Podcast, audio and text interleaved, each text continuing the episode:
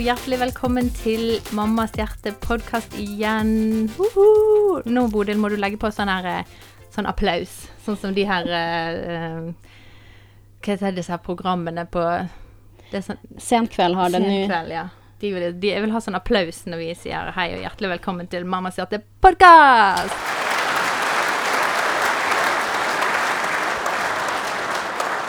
Ja. Nei, men Veldig kjekt å være på plass igjen. I dag har jeg byttet ut Ingrid Anette med Trine. Woohoo! Veldig kjekt, Trine, at du tok tid til å komme og sitte i sofaen med meg. Det, det er et privilegium. Går det bra? Det går veldig fint. Jeg gleder meg veldig til dagens podkast. Skal eh, innrømme det. Det, eh, det, det må vi høre mer om hvorfor. Men vi må jo først og fremst få lov å si hjertelig velkommen til gjesten vår i dag. Takk. Mai Bente. Takk for det. Det er så stas at vi fikk mulighet til å få deg på besøk her til oss. Veldig Um, kjekt å bli invitert. Har du lyst til bare å fortelle våre lyttere hvem, hvem du er og hva du driver med? Ja, jeg skal eh, prøve å gjøre det kort, men jeg eh, pleier jo Jeg skal presentere meg og si at jeg, eh, jeg bestemte meg da jeg var 14 år for at jeg ville jobbe med mennesker. Eh, og det har jeg forfulgt. Og begynte min, min første utdanning, som pleier å si, som sosionom på Diakonhjemmet sosialhøgskole i Oslo. Eh, så tok jeg ganske raskt videreutdanning i psykiatri. eh, Og ble noe som heter klinisk sosionom, som betyr at du kan jobbe som terapeut. Og det har jeg gjort i veldig mange år. På Betania psykiatrisk senter, jobbet på Modum Bad. eh, Og etter hvert så ble jeg òg veldig interessert i eh, ikke bare mysteriet menneske, men mysteriet Gud, og hva skjer i dette feltet når mennesker skal prøve å relatere til Gud med alle livets utfordringer. Og jeg begynte på teologi ved siden av at jeg jobbet da med langtidsdømte og um, psykiatrisk poliklinikk i Bergen. Jeg jobbet på Haralds Haraldsplass samtalesenter i syv-åtte år. Og har tatt en del videreutdanning i veiledning, gestaltveiledning, og tatt noe som heter åndelig veiledning. Høres veldig mystisk ut, men eh, for meg ble det egentlig en eh, opplevelse av at det òg går an å på en måte jobbe med tro, som det går an å jobbe med sin psykiske helse, som går an å jobbe med hvem en er. På en måte få et språk for på hvilken måte virker min tro inn på mitt liv, enten positivt eller negativt. Og det er jo særlig når det er negativt vi trenger et språk så vi kan jobbe med det. Eh, Så på Haraldsplass samtalesenter holdt jeg mye kurs og litt sånn foredrag og tenkte at kanskje undervisning var veldig gøy, så da begynte jeg på NLA-høgskolen og jobbet som høyskolelektor der i seks og et halvt år, er det vel blitt nå. Ikke klart å slutte helt, selv om jeg eh, i år begynte i en ny jobb på Kirkelig dialogsenter. Jeg jobber nå med dialog. Wow, for en utrolig spennende CV. Virkelig, altså. Absolutt. Alt som du har eh, lært og sikkert fått eh, vært med og, og sittet i samtaler og prater med mennesker. Og så har jo du vært Trine sin eh, veileder på, på bacheloroppgaven. Å ja. Ja, det har òg vært veldig kjekt. Ja, virkelig, altså. Alt du har gitt til meg gjennom NLA-studiet, det har virkelig prega hvem jeg er, og retning for livet, vil jeg si. Og det er store ord, men det, det er ikke uten grunn at jeg ville ha deg inn i uh, podkastuniverset vårt, for å si det sånn. Og det er jo det som gjør at det er meningsfullt. Altså å drive med både undervisning og, og foredrag, og for, for den del være med på podkaster. en, det er jo ikke bare teori.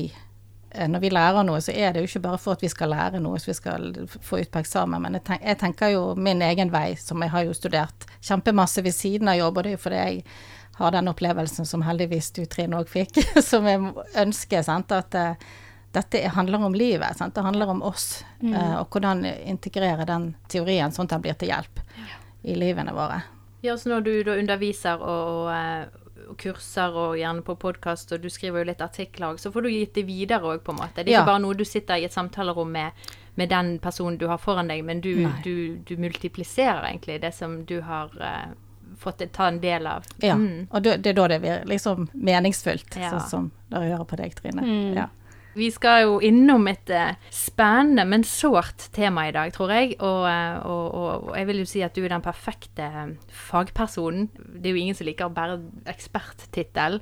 Men når du har vært innom så mange felt, så føler jeg at du, du sitter på såpass mange, mye kunnskap til å kunne snakke om akkurat dette temaet. Som, som jeg har lenge hatt lyst til å, å ta opp, men jeg har ventet på å få den rette personen til å prate om det eh, med, da. For vi har lyst til å snakke om dette her med når den ene i et parforhold eh, i en familie er psykisk syk, og på en måte ikke klarer å se seg sjøl og sin situasjon og jobbe med forholdet sånn som det gjerne trengs for å på en måte klare å komme gjennom livet, da, som, er, som ikke er alltid like lett. Det snakker jo vi mye om. Og vi oppfordrer jo alle til å på en måte bruke verktøy, gå på kurs, gå til samtaler og virkelig jobbe for å på en måte bevare parrelasjonen. Og vi har jo laget et eget nettkurs for dette her. Men så ser vi jo at det er mennesker som, og jeg tror det er flere som opplever dette enn kanskje vi tror, det er at på en måte det kommer til en, en grense hvor man merker at her eh, hjelper det gjerne ikke med samtale, det hjelper ikke med kurs, fordi at det, er noe annet som ligger inne i bildet, da.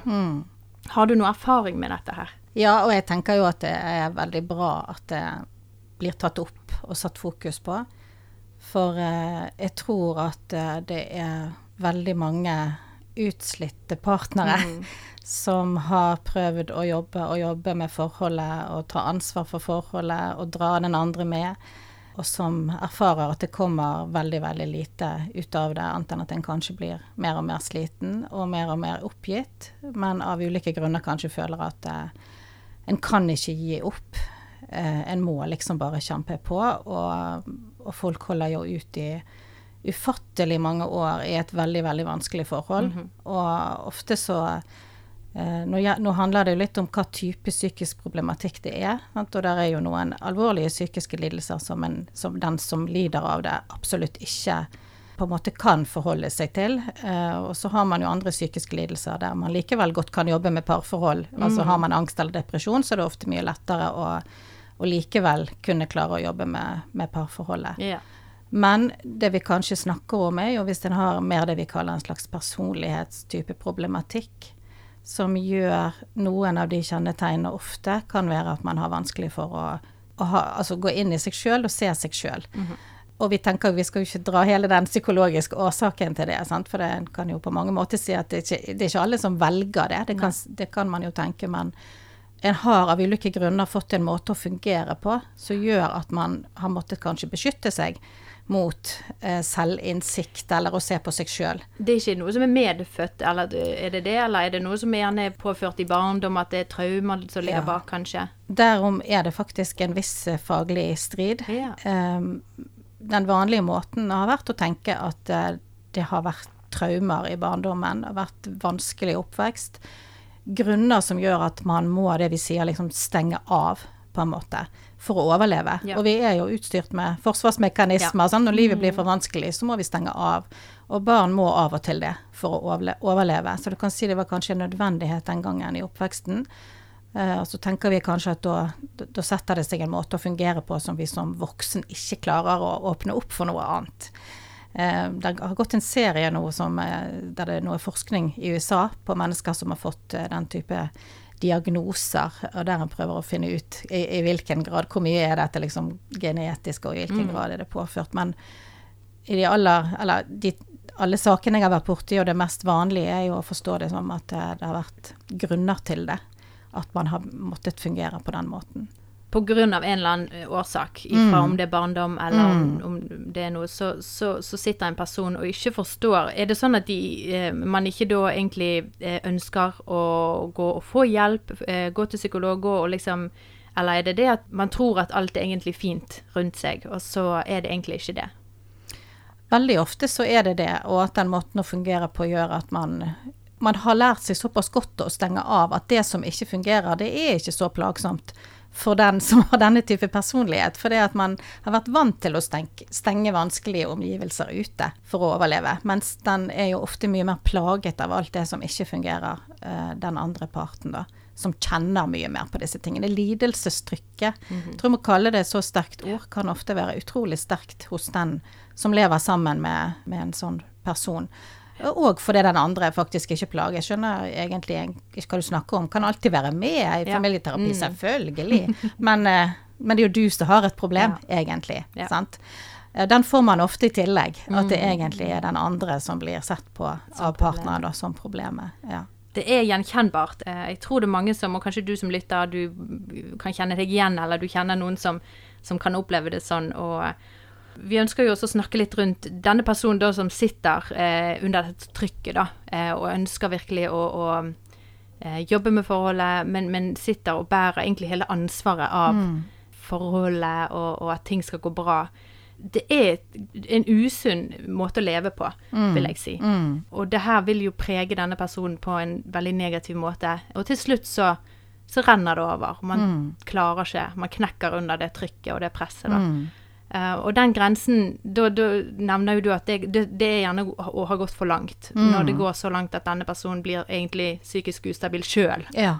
Uh, og det er jo ikke bra for en familie når det da sitter Nei. Ja. Uh, og jeg tror kanskje òg at jeg har lyst til å føye til at en tilleggsproblematikk da, for den som lider, det er jo ofte at denne type personligheter fungerer ofte veldig godt i andre sammenhenger enn i nære relasjoner det er ofte det, de nære relasjoner det blir vanskelig. Ja.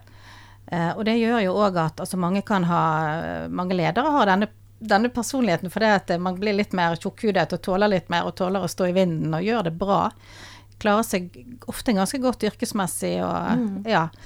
Sånn at det kan være veldig vanskelig for andre å se hva som egentlig foregår. Og, og ofte er de veldig sjarmerende. Ja. og gjør det kanskje vanskeligere eh, enn med annen type problematikk. For det at de rundt er mye vanskeligere å, å forstå hva denne ja, personen står i. Enda en, en stein oppå byrden da, sant. til den som står i den situasjonen. Sant? At ja, men De skjønner ikke. ja, men Hva er det du klager på? Denne personen er jo fantastisk, sant. og han er, virker jo så, så grei og flink. Og det er å forstå seg på denne personens smerte av det. Og, og, jeg merker jo vi har lyst til å snakke bitte litt innenfor på en måte hvordan vi, vi i kristne sammenhenger og håndterer den der eh, Vi er ikke så gode på å så tørre å sette ord på at eh, noen ganger går det en grense for eh, tid det er greit å mm. eh, oppfordre til å, å holde sammen. Da. Mm. Um, og at vi trenger også å se de personene og, og, virkelig forstå, prøve å forstå hvordan det er å stå under det trykket. Ja. Jeg tror at uh, denne problematikken har en tilleggsbelastning for de som lever i en kristne sammenheng. For det, man har holdt ekteskapet høyt, som man jo ja, skal. Og som, vi, ja, vi heier veldig på det. Det er veldig, mye, ja. veldig god grunn til å, å, gjøre det, og tenke at det er viktig å jobbe for, for det. Men uh, samtidig så tenker jeg at nettopp òg fordi denne problematikken er så skjult, ja. så gjør det det utrolig tøft for de som er i kristne sammenhenger. Fordi man, eh, man vil jo ikke være den som, som gir opp en sånn verdi som står så utrolig ja. høyt. Og mange, både i kristne og ikke-kristne sammenhenger, føler jo en veldig skam i utgangspunktet for at man ikke har det godt mm. i ekteskapet. Altså Man føler gjerne at man har mislykkes på en eller annen måte. Eh, at man har gjort et sånt valg at man har endt opp med å, å, å, føle det, at det er så vanskelig. Og, og mange har òg eh, bruker lang tid på å, å, på en måte orke å erkjenne for seg sjøl at jeg har det ikke godt. Og mange eh, jobber og ber mm. om liksom, at det må bli bedre, eller at en sjøl må få kraft til mm. å stå i det og holde ut og ikke gi opp håpet. Og alle de tingene tror jo vi på, ja. men så er det jo det vi vil også snakke om, at så kommer det en grense og, og, det har jeg sagt etter hvert, at noen ganger så ser jeg at liksom Når håpet blir ens verste fiende mm. det, det, høres forferdelig ut, eh, men noen ganger er det sånn at liksom det å tviholde på et håp blir destruktivt. Mm. Når endring eh, ikke er mulig. Og, for å bare ta den òg med kristne sammenhenger, så har det jo i noen sammenhenger fortsatt er det sånn, men tradisjonelt så var det jo sånn når det òg begynte å bli, og det er ikke så lenge siden. altså Før holdt man jo bare sammen uansett, man fikk bare gå nedenom og hjem.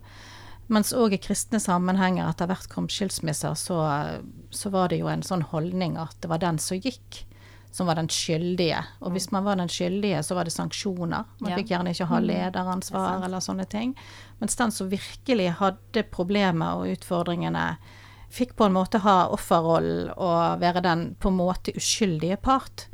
Uh, og når jeg ser, ser, av og til disse tingene både beskrevet og sagt fortsatt, og da kjenner jeg at det er, det, det er så utrolig ødeleggende for den parten som lever med en problematikk som gjør at uh, det blir helt umulig, men ingen skjønner det. Ja. Mm. Og man er den som blir dømt. Og dette her er, dette er mer ekstremt i kristne sammenhenger, mm. det vil jeg faktisk mene, men, men jeg ser òg den Jeg har òg møtt mange som ikke er i en kristen sammenheng, som snakker om belastningen ved å være den som går.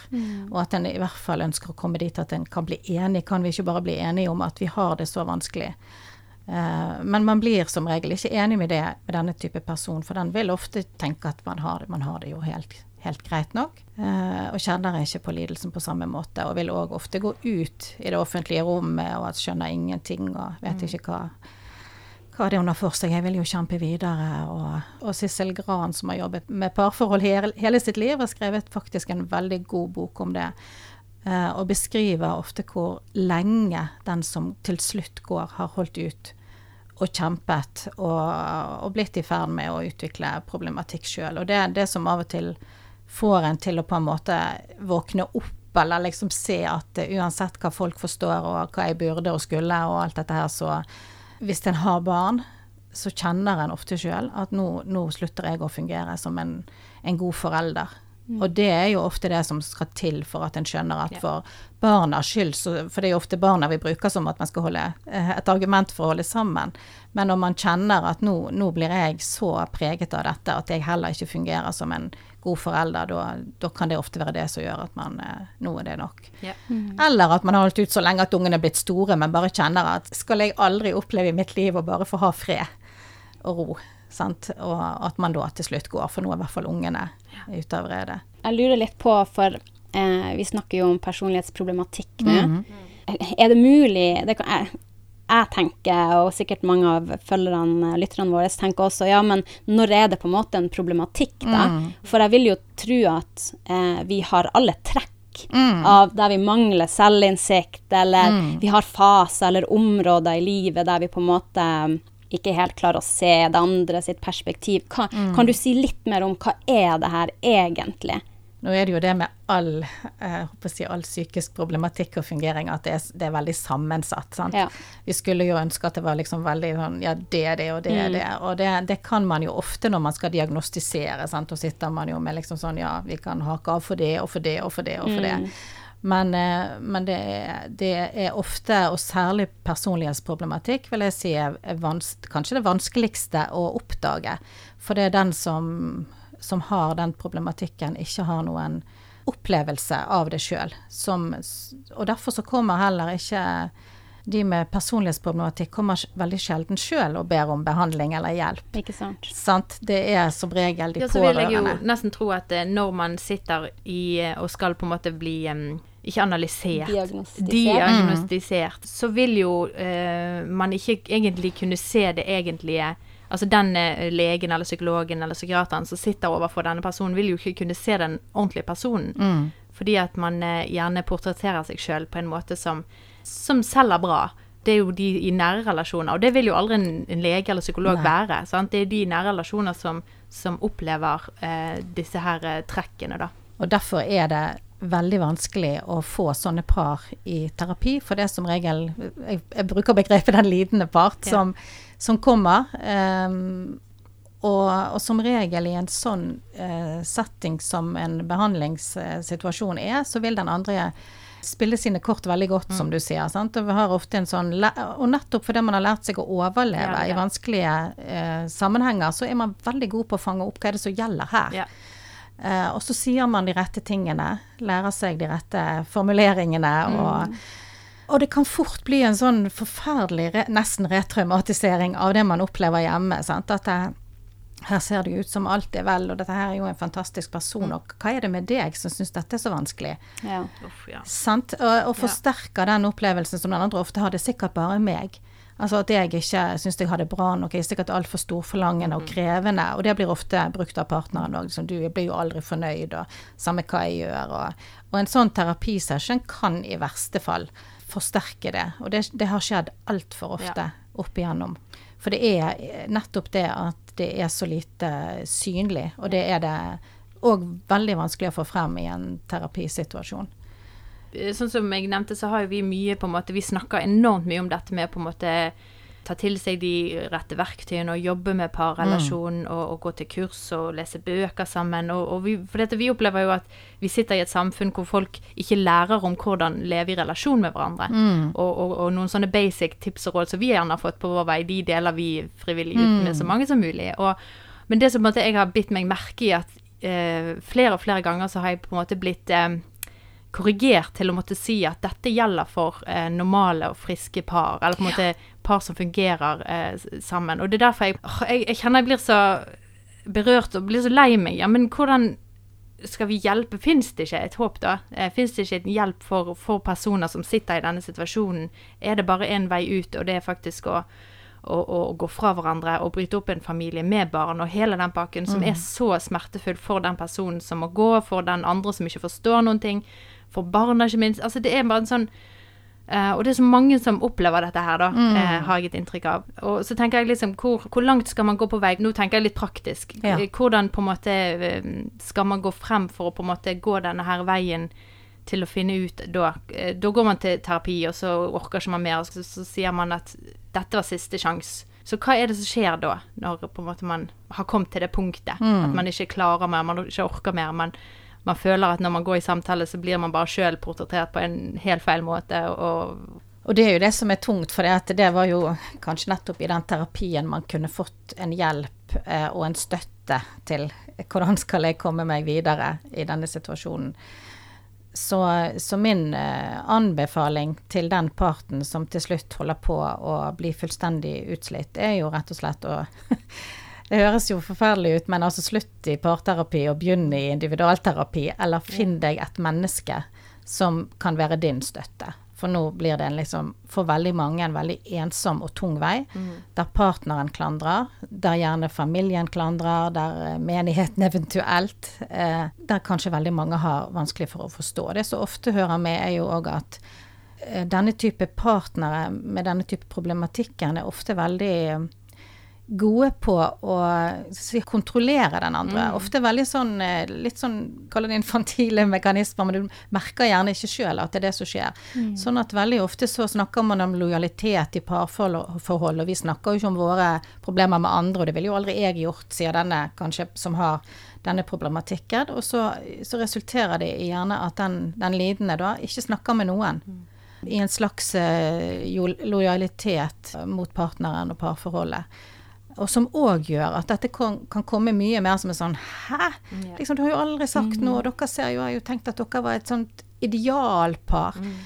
Eh, så jeg at noe av det, det første tenker jeg er liksom før man begynner å planlegge å gå nesten, altså begynn å snakke. Ja. Eh, begynn å snakke med noen eh, som en har tillit til rundt en, og ta de inn i det som egentlig foregår. ja.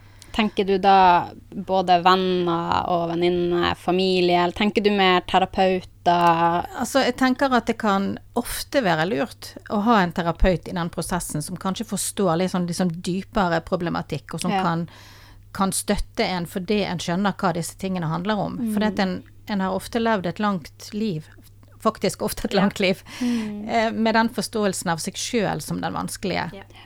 og krevende, den som gir opp. Sånn at en terapeut vil ofte forstå mye mer hva er det som har skjedd med, med deg som partner her. Hva slags mekanismer er det du er rammet av?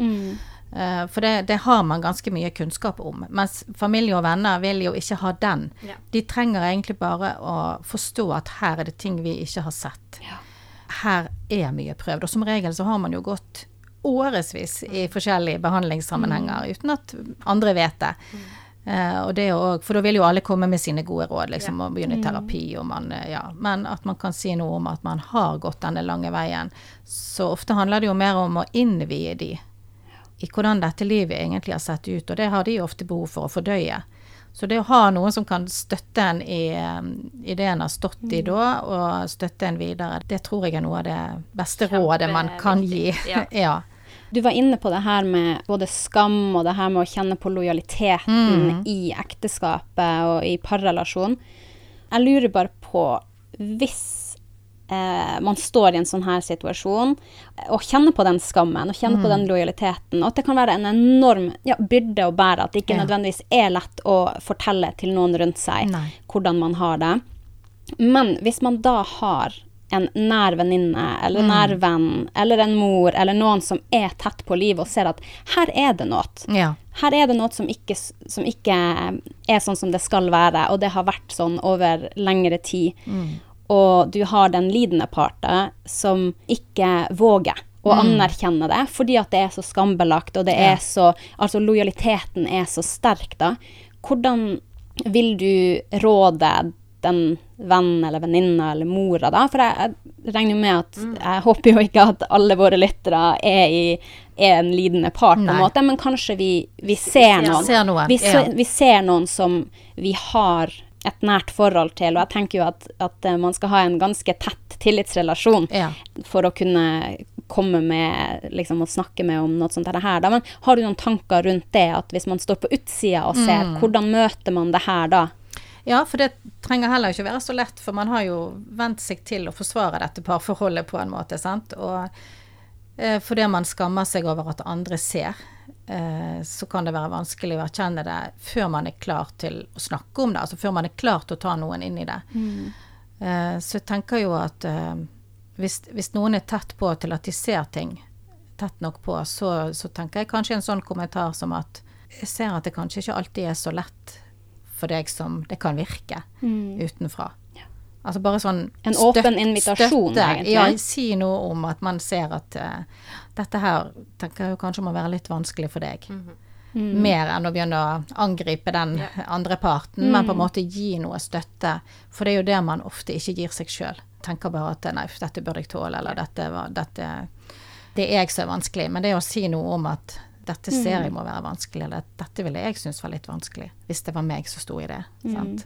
Skal man kunne si ok, bare du kan alltid komme til meg og prate Mm. litt. Eller det liksom, det tenker jeg det har vært veldig sånn viktig for meg da, hvis jeg har kjent på store følelser eller skam eller noe sånt, å møte noen som på en måte kan romme det. Ja. Ikke sant? Fordi at av og til så kan det oppleves så stort selv. Ja. At man klarer ikke å bære det, og da, jeg, da vil jeg ikke gi det videre. Jeg vil ikke, fordi at jeg er redd for å bli møtt med sinne eller med skuffelse, eller med Men det å, å kjenne seg trygg på at du tar meg imot, ja. du er trygg, egentlig, Ja. vil jeg tenke hadde vært veldig viktig for meg. Og det, det er kanskje òg litt sånn at hvis man tror Hvis man har eh, venner som man, man sjøl tror, og det er jo det bildet vi ofte gir hverandre At eh, nei, vi har det jo helt supert. Vi har selvfølgelig vanlige ting, men ikke noe store. Og hvis man har eh, vennepar, altså har venninne som er i et par som man tror er veldig, veldig bra, så kan egentlig det bare forsterke skammen. Det er ikke så lett alltid da å snakke med en venninne- som har lykkes i det man sjøl har mislykkes med. Så, så skal man på en måte tilby eh, sin relasjon da, som en hjelp til den man tror har det vanskelig. Så det er ofte lurt å si et eller annet om at jeg ja, Finne de vanskelige tingene. Altså, ja, altså jeg vet jo at ting er ikke så lett, og vi har jo heller ikke bare hatt det lett. Og det har jo kanskje ikke sagt så mye om det. Kanskje vi, kanskje vi rett og slett bare skulle snakke Altså da må man kanskje invitere til en mer likeverdig Ja. samtale, uten at man sjøl trenger å ha denne type problematikk, men at man på en måte kan som venninne i hvert fall eh, si noe om at eh, for, for hvis man skammer seg, så, så er det ikke noe trøst at Faktisk ikke noen trøst at noen bare syns synd på en. Stakkar deg som har et så dårlig forhold. Ja. Jeg har jo heldigvis et godt forhold, liksom. sant? Mens det som ofte hjelper, er jo liksom at man blir tatt inn i et vi. Altså sånt eh, vi, vi vet jo at ting kan være vanskelig, og på forskjellige måter. og at man på en måte kan, kan dele litt mer av det. Det tror jeg blir lettere for den som virkelig har store problemer. Og, og faktisk etter hvert kunne si noe om Og som venninne så har jeg erfaring med den type relasjoner òg. At man faktisk bare sånn begynner å snakke litt ærlig sammen. Vet du hva, nå er jeg veldig lei av akkurat dette, og jeg vet ikke hvordan det er med dere. Så om har man først fått den type fortrolighet, man Ja. snakker om de tingene man ikke Ja. har lyktes med i livet, og sårbarhet og alle disse tingene som vi ofte er så gode på å skjule, så, så vil det være så uendelig mye lettere for den som virkelig Ja. trenger hjelp, uh, og, og etter hvert komme med det, hvor gale det egentlig er. Ja. Men man trenger liksom den, det rommet for å kunne bruke venninner eller venner på den måten. Du Trine spurte litt om eh, litt, hvordan kjenner man igjen dette, sant. Og det, Ja. nå svarte jeg jo det som vi må svare. Det er, ikke, det er ikke noe åpenbart. Man må være forsiktig med å sette sånne merkelapper og diagnoser og sånt. Men jeg hadde bare likevel lyst å si noen ting som vi liksom ofte ser, sånn at man i hvert fall har noen knagger hvis man er i en sånn situasjon. Ja, sant? Og det ene er jo, og det ser man jo som sagt ikke det offentlige rommet alltid, men man merker det i nære relasjoner at man kanskje har en opplevelse som den som lever tett på dette mennesket, at en ikke har evne til sånn virkelig nærhet. Altså til følelsesmessig nærhet. Mm. Det, det, er jo litt sånn diffust, hva er det egentlig? Mm. Men som noen sier, jeg føler jeg hamrer på et fjell. At jeg mm. hamrer og hamrer. Jeg vil liksom inn der. Jeg vil inn i det innerste rommet og finne ut hvem er denne personen egentlig. At det er veldig vanskelig å komme helt nær, på en måte. Og så er det jo selvfølgelig dette med at en kan oppleve at partneren kan snakke snakke som om en selvfølgelig skjønner hvordan du har det og har evne til å leve seg inn i situasjonen. Og det er det som kan være så forledende og villedende i det offentlige rom eller i en, mm. par, i en behandlingssituasjon, men, men, dypest sett i et parforhold faktisk ikke er i stand til å ta den andres perspektiv. På den måten at det gjør noe med en sjøl. Mm. Altså, Oi, det er sånn du har det. Dette må jo vi virkelig gjøre noe med. Det mangler ofte. Og dermed så vil òg ofte endringspotensialet være lite, fordi en ikke ser seg sjøl i denne relasjonen, og ikke ser hvor mye vondt man egentlig påfører den andre. Fordi man har lært seg å overleve med å stenge av, og heller anklage omgivelsene. Ja, men det er jo deg, det er noe galt, men dette er jo helt vanlig. Og, og særlig fordi man ofte kan fungere godt i andre sammenhenger. Så det er jo aldri noen som har sagt noe sånt til meg, det er jo bare du så det er jo kanskje mest sannsynlig at det er du som er vanskelig. Mm. mm. For det, dette har jo jeg aldri hørt av andre.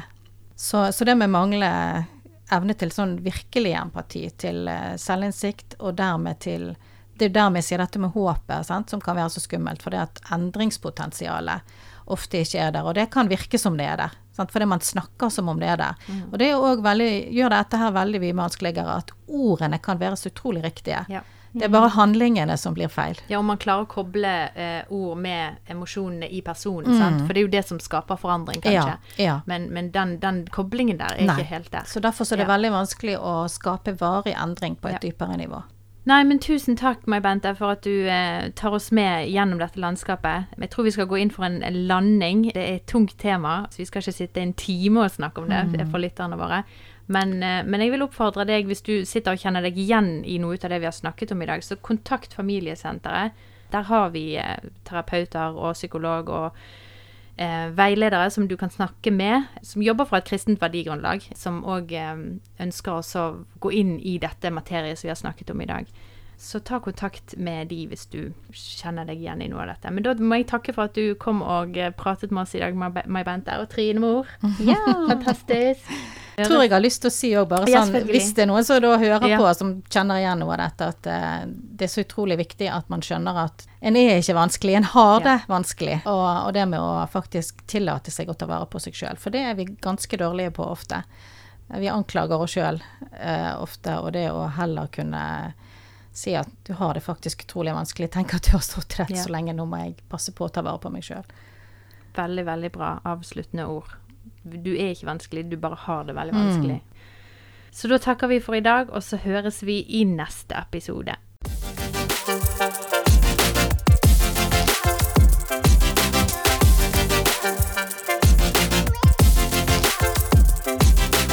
Hvis du har spørsmål, tilbakemeldinger eller ting du tenker på rundt det vi snakket om i dag, så har vi veldig lyst til å snakke med deg.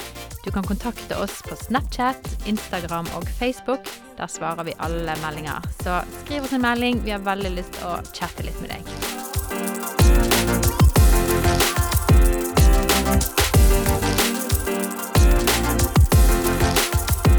Denne podkasten er produsert i samarbeid med Tro og Media og Familiesenteret.